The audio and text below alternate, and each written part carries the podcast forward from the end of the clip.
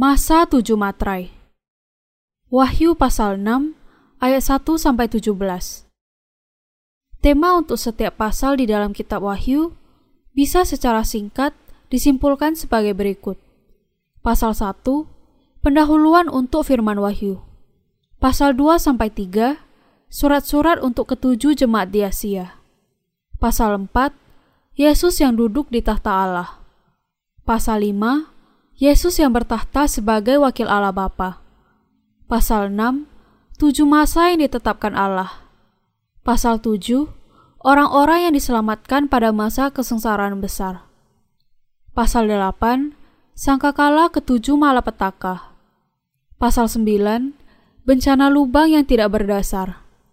Pasal 10, kapan terjadinya pengangkatan? Pasal 11, Siapakah kedua pohon zaitun dan kedua nabi? Pasal 12, Jemaat Allah yang akan menghadapi penderitaan besar. Pasal 13, Munculnya antikristus dan kemartiran orang-orang kudus. Pasal 14, Kebangkitan orang-orang kudus dan pengangkatan dan pujian mereka untuk Allah di angkasa. Pasal 15 sampai 16, Permulaan malapetaka ketujuh cawan. Pasal 17, pengadilan pelacur besar yang duduk di atas tempat yang banyak airnya. Pasal 18, kejatuhan Babel. Pasal 19, kerajaan yang diperintah oleh Yang Maha Kuasa. Pasal 20, kerajaan seribu tahun. Pasal 21, kota suci dari surga. Pasal 22, langit dan bumi baru, di mana air kehidupan mengalir. Mulai dari pasal ini, masing-masing firman Wahyu memiliki sebuah tema, dan ketika digali semuanya, akan berhubungan satu dengan yang lain sampai ke pasal yang paling akhir. Sama seperti di dalam surat Roma, di mana pasal 1 menjadi pendahuluan, pasal 2 adalah firman Allah kepada orang-orang Yahudi, dan pasal 3 di dalam firmannya kepada orang-orang bukan Yahudi. Kitab Wahyu juga berlanjut dengan masing-masing tema untuk setiap pasalnya.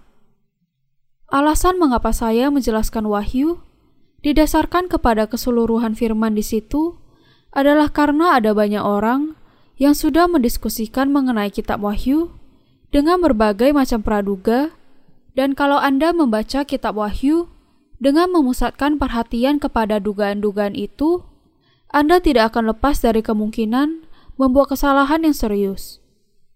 Karena Alkitab dituliskan melalui manusia, Allah yang diilhami oleh Roh Kudus, maka tidak ada satu bagian pun yang membutuhkan perbaikan. Sebaliknya, buku-buku sekuler memiliki kesalahan dan membutuhkan banyak perbaikan, bagaimanapun baiknya dan ahlinya penulis buku itu.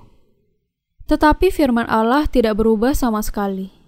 Bahkan meskipun hal itu sudah dituliskan dalam jangka waktu selama ribuan tahun. Meskipun sudah dituliskan selama jangka waktu yang lama, firman Allah tetap saja tidak mengandung kesalahan, karena ia dituliskan melalui para hamba Allah yang hatinya diilhami oleh Roh Kudus. Karena apa yang dikehendaki untuk disampaikan oleh Allah kepada kita tersembunyi di dalam Alkitab. Banyak di antara kita yang masih tidak mengerti mengenai firman Allah. Tetapi sejak penciptaan, Alkitab tidak pernah mengalami perubahan, bahkan meski hanya sekali saja. Namun karena banyak orang yang memiliki pemahaman yang buruk mengenai firman Allah dan rancangannya, mereka mulai menafsirkan firman Allah dengan pemikiran mereka sendiri. Karena Allah tidak menyatakan rahasia kepada sembarang manusia, mereka yang tidak menyembah Dia dan yang tidak percaya sesuai dengan firman-Nya, yang hanya berusaha untuk memenuhi ketamakan mereka, dengan menyalahgunakan nama Allah, tidak akan pernah bisa mengerti kebenaran. Manusia yang memiliki dosa, dengan kata lain, tidak akan pernah memahami firman wahyu, bagaimanapun kerasnya mereka berusaha. Karena ketidakmampuan mereka untuk memahami firman inilah yang membuat mereka membuat berbagai macam kesalahan, ada yang pada akhirnya percaya kepada penglihatan yang tidak berguna mengenai akhir zaman, lalu menyelidikinya dan bahkan mengumumkan saat kedatangan Yesus yang kedua kali, ketika para penafsir Alkitab yang lain menafsirkan Alkitab sekehendak hatinya dan membuat berbagai kesalahan dalam prosesnya.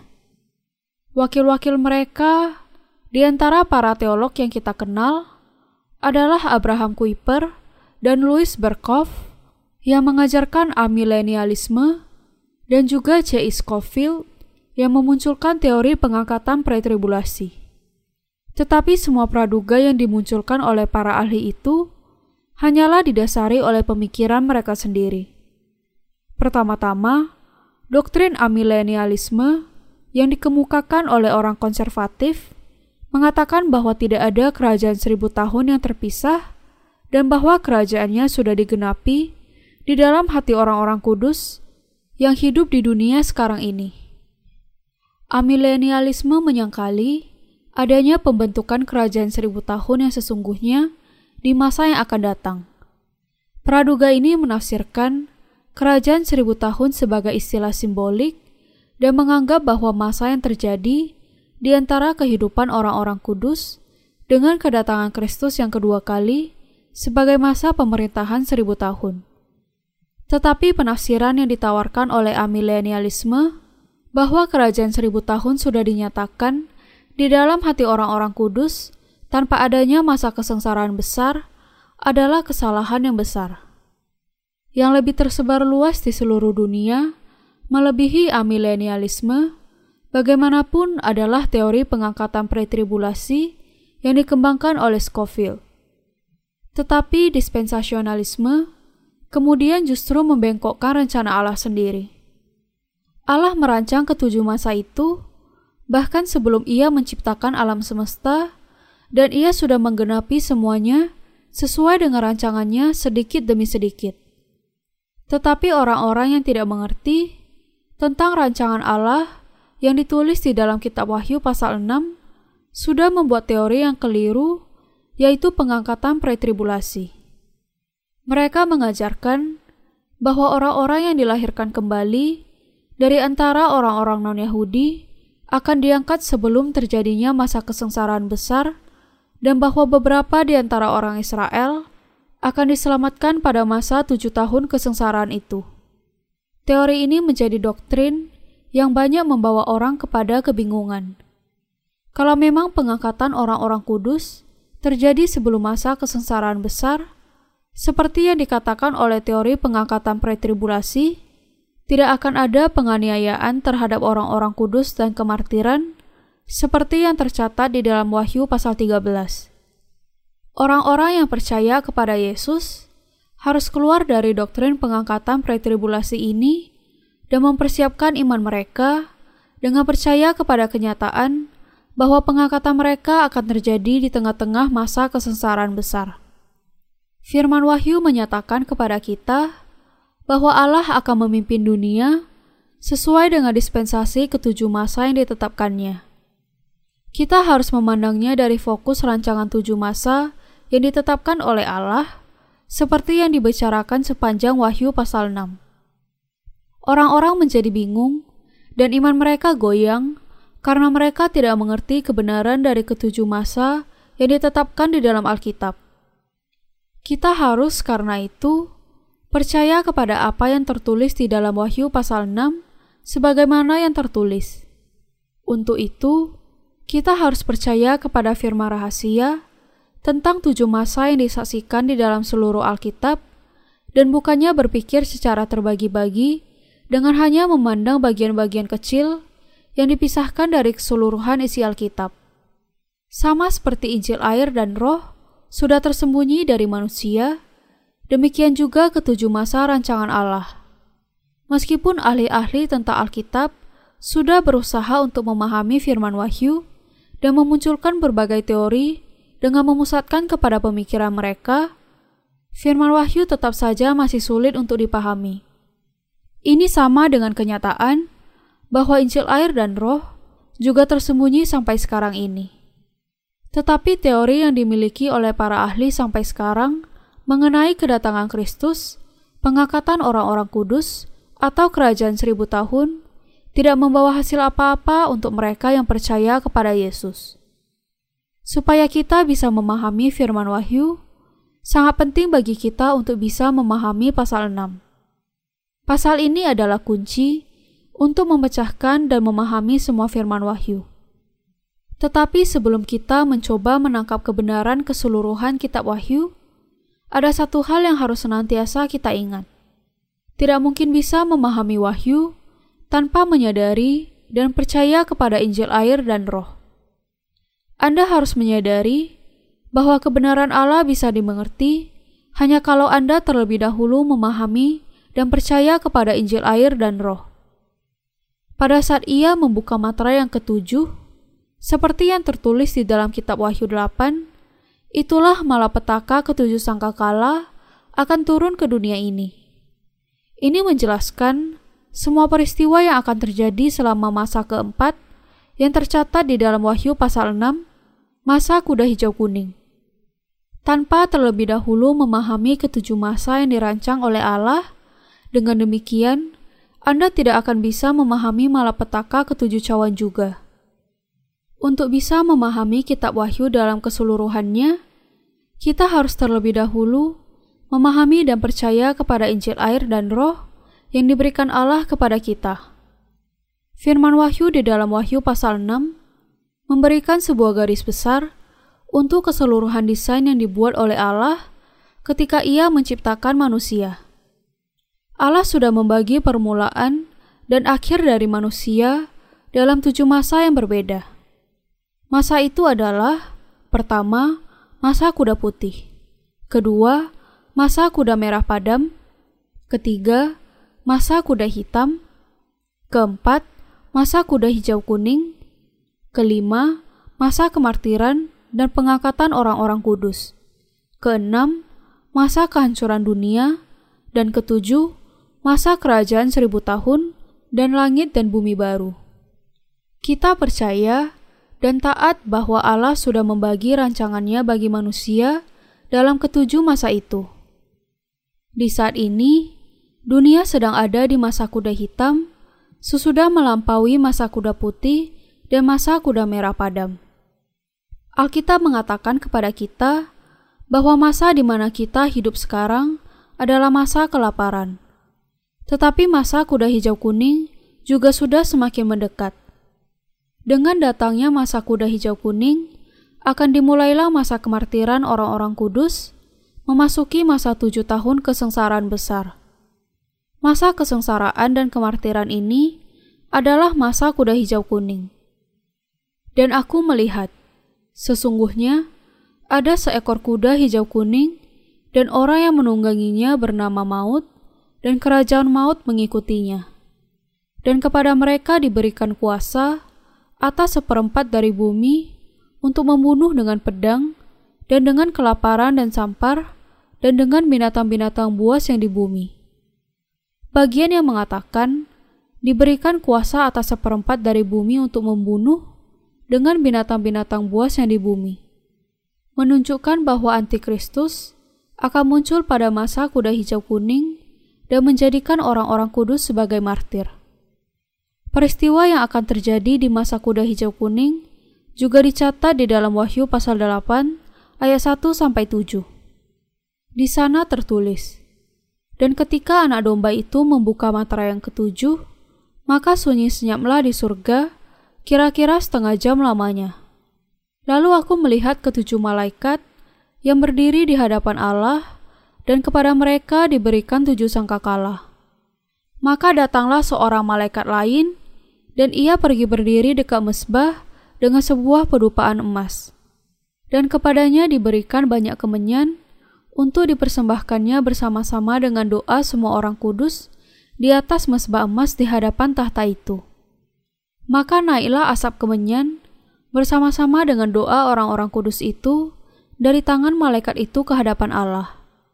Lalu malaikat itu mengambil pedupaan itu, mengisinya dengan api dari mesbah, dan melemparkannya ke bumi.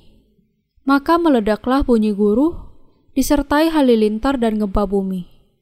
Dan ketujuh malaikat yang memegang ketujuh sangkakala itu bersiap-siap untuk meniup sangkakala. Lalu malaikat yang pertama meniup sangkakalanya dan terjadilah hujan es dan api bercampur darah dan semuanya itu dilemparkan ke bumi. Maka terbakarlah sepertiga dari bumi dan sepertiga dari pohon-pohon, dan hanguslah seluruh rumput-rumputan hijau. Penjelasan di atas mengenai ketujuh sangkakala di dalam Wahyu pasal 8 memberikan pembahasan yang rinci mengenai masa kuda hijau kuning yang tercatat di dalam Wahyu pasal 6. Firman ini mencatat secara terperinci mengenai munculnya antikristus dan malapetaka ketujuh sangkakala serta tujuh cawan yang akan terjadi pada masa kuda hijau kuning. Pasal 4 dan 5 di lain pihak menjelaskan kepada kita bahwa Yesus akan memerintah atas seluruh dunia dan segala yang ada sebagai Allah dan bahwa segala rancangan Bapa akan digenapkan oleh Yesus Kristus sebagai Allah. Kita bisa melihat melalui Wahyu pasal 4 dan 5 betapa berkuasa dan agungnya Allah Yesus Kristus itu. Wahyu pasal 8 mengatakan, Dan ketujuh malaikat yang memegang ketujuh sangkakala itu bersiap-siap untuk meniup sangkakala. Lalu malaikat yang pertama meniup sangkakalanya dan terjadilah hujan es dan api bercampur darah. Dan semuanya itu dilemparkan ke bumi. Maka terbakarlah sepertiga dari bumi dan sepertiga dari pohon-pohon, dan hanguslah seluruh rumput-rumputan hijau.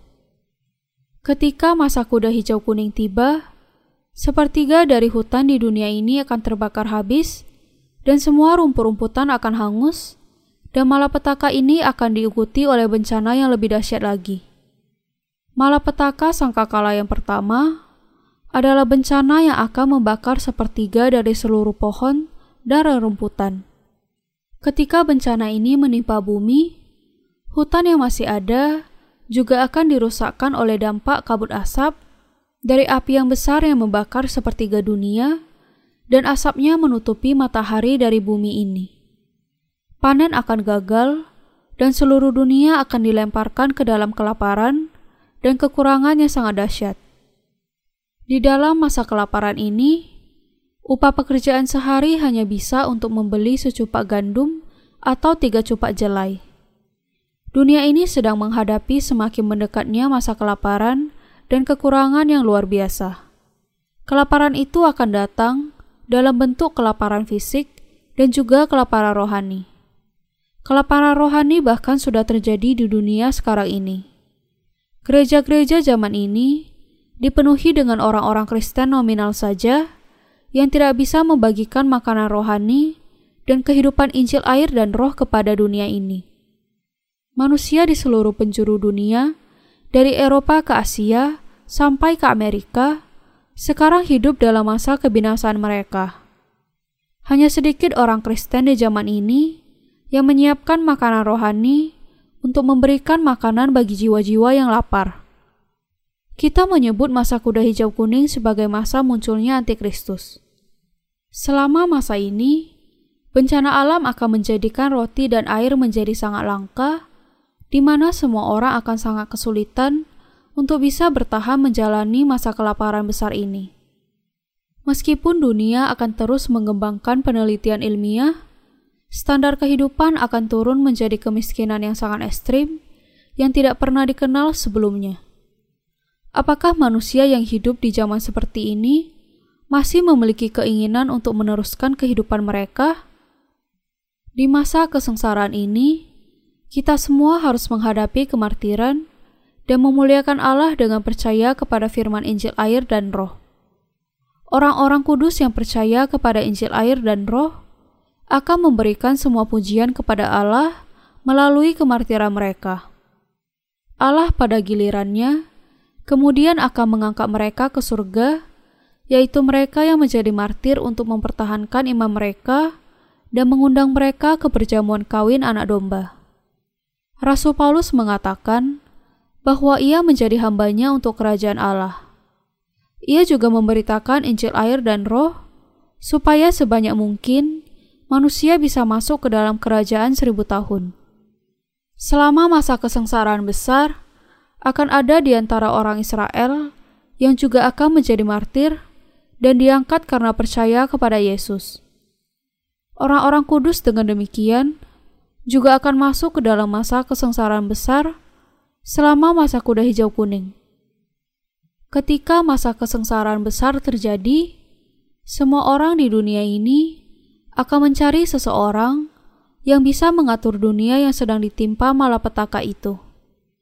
Mereka akan sangat merindukan seseorang yang bisa memecahkan semua masalah yang terjadi karena bencana alam yang dahsyat itu dan yang bisa memecahkan berbagai masalah politik, ekonomi, dan keagamaan yang mereka hadapi. Inilah saatnya antikristus akan muncul. Baru-baru ini, seorang penulis Jepang menuliskan satu seri buku yang berjudul The Story of Romans, yang isinya hanyalah puji-pujian kepada para kaisar Romawi. Argumentasi utama penulis adalah bahwa dunia sedang membutuhkan seorang pemimpin yang bisa memperoleh kekuasaan yang mutlak. Banyak orang juga setuju dengan apa yang dikatakannya. Selama masa kesengsaraan besar, manusia akan menginginkan seorang pemimpin yang berkuasa yang bisa mengatur seluruh dunia ini dengan tangan besi, bukan banyak pemimpin yang memimpin wilayahnya masing-masing, tetapi satu orang yang berkuasa memimpin seluruh dunia. Saat ini, dunia dibagi ke dalam banyak negara bangsa dan masing-masing memiliki pemimpinnya sendiri. Tetapi di akhir zaman, manusia menghendaki seorang pemimpin dunia yang karismatis yang bisa sepenuhnya menyelesaikan semua masalah mereka. Dunia sekarang sedang menantikan datangnya pemimpin yang demikian, antikristus yang akan memerintah seluruh dunia. Alkitab mengatakan bahwa ketika masa kuda hijau kuning datang, antikristus akan muncul dengan kekuatan yang besar dan menundukkan semua manusia di dunia ini ke bawah penguasaannya. Alkitab juga mengatakan bahwa ketika masa kuda hijau kuning ini datang, api akan turun menghujani bumi dan membakar sepertiga dari hutan di dunia. Dan ketika masa ini tiba, Antikristus akan memerintah seluruh dunia dan tidak akan ada orang yang bisa menjual atau membeli sesuatu yang tidak memakai tandanya. Pada saat ini, orang-orang kudus akan menjadi martir karena tidak mau menerima tanda dan memuja berhala, dan kemudian akan dibangkitkan serta diangkat. Ketika masa kuda hijau kuning ini kemudian berakhir, masa kerajaan seribu tahun akan dibuka. Tuhan mengatakan bahwa kehancuran dunia dan masa kesengsaraan besar akan datang seperti pencuri. Sekarang ini, karena itu, kita harus mempersiapkan iman yang bisa mengalahkan semua cobaan di dalam masa kesengsaraan besar serta kehancuran. Persiapan ini hanya bisa terjadi dengan percaya kepada Injil air dan Roh. Tetapi kepada mereka yang tidak mempersiapkan diri, semua malapetaka dan kehancuran akan jatuh kepada mereka yang tidak percaya kepada Injil air dan Roh. Itulah sebabnya kita harus memahami dengan jelas dan percaya bahwa saat ini termasuk ke dalam masa kuda hitam. Sebelum hari akhir itu tiba, kita harus percaya kepada Injil air dan Roh sebagai persiapan untuk masa depan kita. Mereka yang saat ini percaya kepada Injil air dan Roh akan diangkat dengan kemartiran mereka. Mereka yang kaya tidak akan lagi bisa hidup dengan nyaman dan juga mereka yang miskin tidak akan melanjutkan kehidupan di dalam kemiskinan mereka. Karena itu, kita tidak boleh menjadi sedih atau membanggakan diri atas hal-hal yang terjadi kepada kita sekarang ini, karena kita percaya bahwa masa kuda hijau kuning sudah dekat, dan bahwa semua orang kudus akan menjadi martir. Dari waktu ke waktu, kita melihat ada orang-orang yang ada di sekitar kita yang menyebabkan munculnya kebingungan besar dengan membuat analisa mengenai kedatangan Kristus dengan menggunakan perhitungan mereka sendiri dan menyatakan hari serta jam bahkan detik kedatangan Tuhan serta menyeret banyak orang untuk percaya kepada pandangan mereka itu. Tetapi kedatangan kembali Kristus menurut Alkitab tidaklah akan terjadi sampai datangnya sangkakala yang ketujuh. Karena itu, Kita tidak boleh sampai salah dalam memperhitungkan firman Alkitab dan kemudian menentukan sendiri hari kedatangan Tuhan menurut perhitungan kita. Kita juga harus berhati-hati terhadap mereka yang mengatakan sudah tahu hari kedatangan Kristus berdasarkan penglihatan atau mimpi mereka. Mimpi mereka hanyalah sekedar mimpi. Tetapi karena Allah mengatakan kepada kita tentang kapan saat yang tepat akan kembalinya ke dunia ini hanya melalui firman-Nya, kita justru harus lebih percaya kepada firman-Nya. Ketika masa kuda hijau kuning, masa yang tercatat di dalam Wahyu pasal 6 tiba, martir akan bangkit dan juga akan terjadi malapetaka ketujuh sangkakala dan kebangkitan serta pengangkatan orang-orang kudus akan terjadi.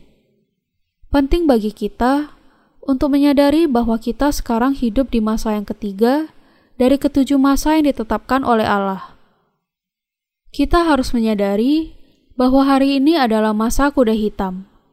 Ketika kita menyadarinya, kita bisa menaburkan benih Injil air dan roh saat ini, dan dengan menanam benih sekarang, kita bisa menuai ketika masa kuda hijau kuning tiba. Di dunia semesta yang diciptakan Allah, ada beberapa tumbuhan yang bisa tumbuh, berbunga, dan berbuah hanya dalam waktu satu minggu. Seperti tumbuhan di padang itu, ketika masa kuda hijau kuning tiba, mereka yang diselamatkan dengan percaya kepada Injil air dan roh yang kita wartakan saat ini juga akan menjadi martir, bergabung dengan kita di dalam kebangkitan dan pengangkatan yang Tuhan izinkan terjadi kepada kita. Di dalam masa kesengsaraan besar, akan lebih banyak orang yang percaya kepada Injil air dan roh dibandingkan dengan saat ini.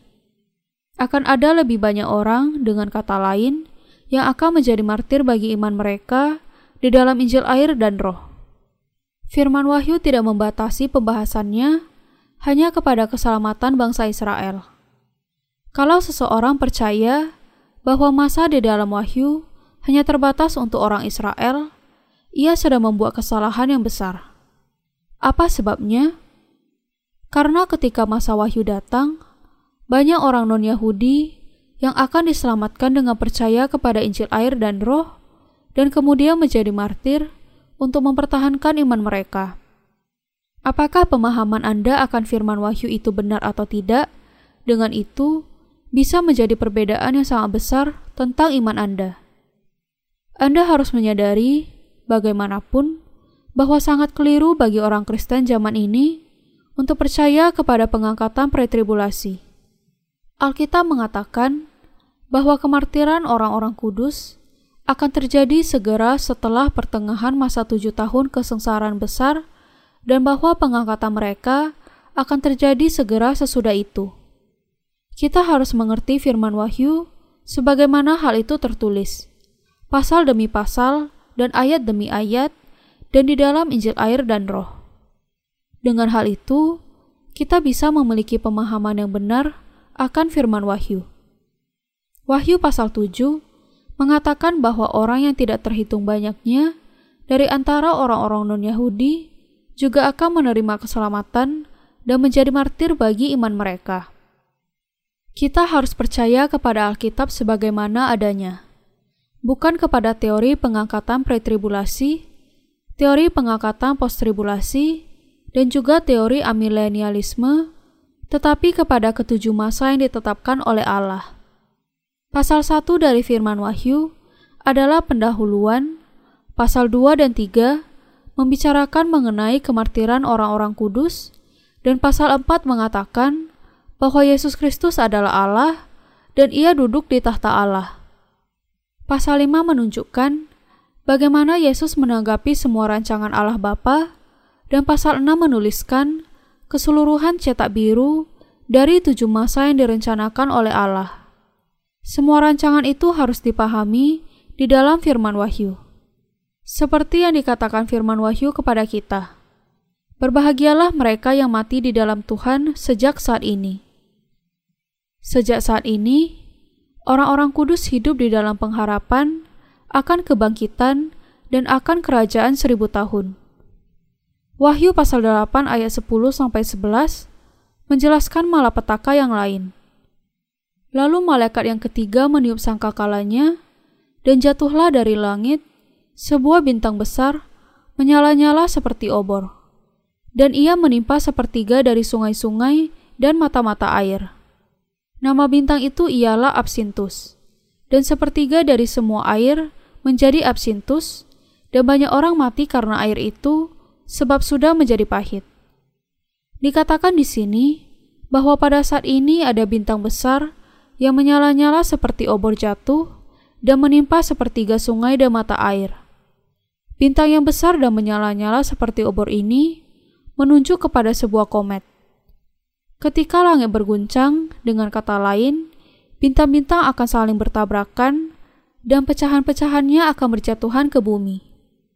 Wahyu pasal 8 ayat 12 sampai 13. Melanjutkan dengan menyebutkan malapetaka yang lain. Lalu malaikat yang keempat meniup sangkakalanya, dan terpukullah sepertiga dari matahari, dan sepertiga dari bulan, dan sepertiga dari bintang-bintang, sehingga sepertiga daripadanya menjadi gelap, dan sepertiga dari siang hari tidak terang, dan demikian juga malam hari. Lalu aku melihat, aku mendengar seekor burung nasar terbang di tengah langit dan berkata dengan suara nyaring, Celaka, celaka, celakalah mereka yang diam di atas bumi oleh karena bunyi sangkakala ketiga malaikat lain yang masih akan meniup sangkakalanya. Ini menjelaskan bahwa dunia akan menjadi gelap ketika siang berubah menjadi seperti malam. Ketika malapetaka ketujuh sangkakala dimulai, kebanyakan di antara Anda dan saya akan mengalaminya. Tetapi orang-orang kudus yang masih hidup kemudian akan segera dijadikan martir, dan mereka kemudian akan mengalahkan iblis dengan iman mereka. Kalau Anda memahami dengan jelas ketujuh masa yang dinyatakan di dalam Wahyu pasal 6, Anda juga akan memiliki pemahaman yang jelas tentang apa yang harus Anda lakukan dan iman yang bagaimana yang Anda butuhkan di masa ini. Karena mereka yang percaya kepada Injil air dan roh akan menjadi martir di masa Wahyu, mereka harus memasuki masa ini dengan pengharapan mereka akan kerajaan Allah. Ketika hidup di dunia ini, orang-orang kudus harus mempersiapkan diri untuk kemartiran mereka di akhir zaman dengan iman mereka, dan mereka harus bekerja keras untuk mengembangkan kerajaan Allah dengan menyebarkan iman ini. Apakah Anda mengenal dan percaya kepada ketujuh masa yang ditetapkan oleh Allah? Bisakah Anda melihat bahwa saat ini kita sedang hidup di masa kuda hitam? Kalau Anda tidak mengerti dan tidak percaya kepada Injil air dan roh sekarang, Anda tidak akan bisa lepas dari kesengsaraan yang akan turun ke atas dunia. Karena itu, Anda harus mempersiapkan diri mulai dari sekarang. Untuk bisa memiliki iman yang bisa mengalahkan kesengsaraan itu, Anda harus terlebih dahulu disucikan dari dosa-dosa Anda dengan cara percaya kepada Injil air dan roh, dan mempersiapkan diri untuk masuk dan hidup di dalam kerajaan seribu tahun dengan menerima roh kudus sebagai karunia untuk Anda. Persiapkan diri Anda sekarang. Kalau Anda bermaksud untuk menunda dan hanya percaya kepada Injil air dan roh, sesudah malapetaka ketujuh sangkakala terjadi, Anda akan mengalami banyak kesengsaraan. Pengharapan dan doa saya adalah bahwa Anda akan percaya kepada Injil air dan roh pada saat ini juga, supaya Anda dilahirkan kembali dan mempersiapkan masa depan Anda sebagai umat Allah. Tujuh masa yang ditetapkan Allah. Pertama, kuda putih. Masa permulaan dan perkembangan Injil air dan roh. Yang kedua, kuda merah padam. Hancurnya perdamaian dengan kedatangan masa iblis. Ketiga, kuda hitam. Masa kelaparan fisik dan rohani. Masa sekarang ini. Yang keempat, kuda hijau kuning. Masa kemartiran orang-orang kudus dengan munculnya antikristus.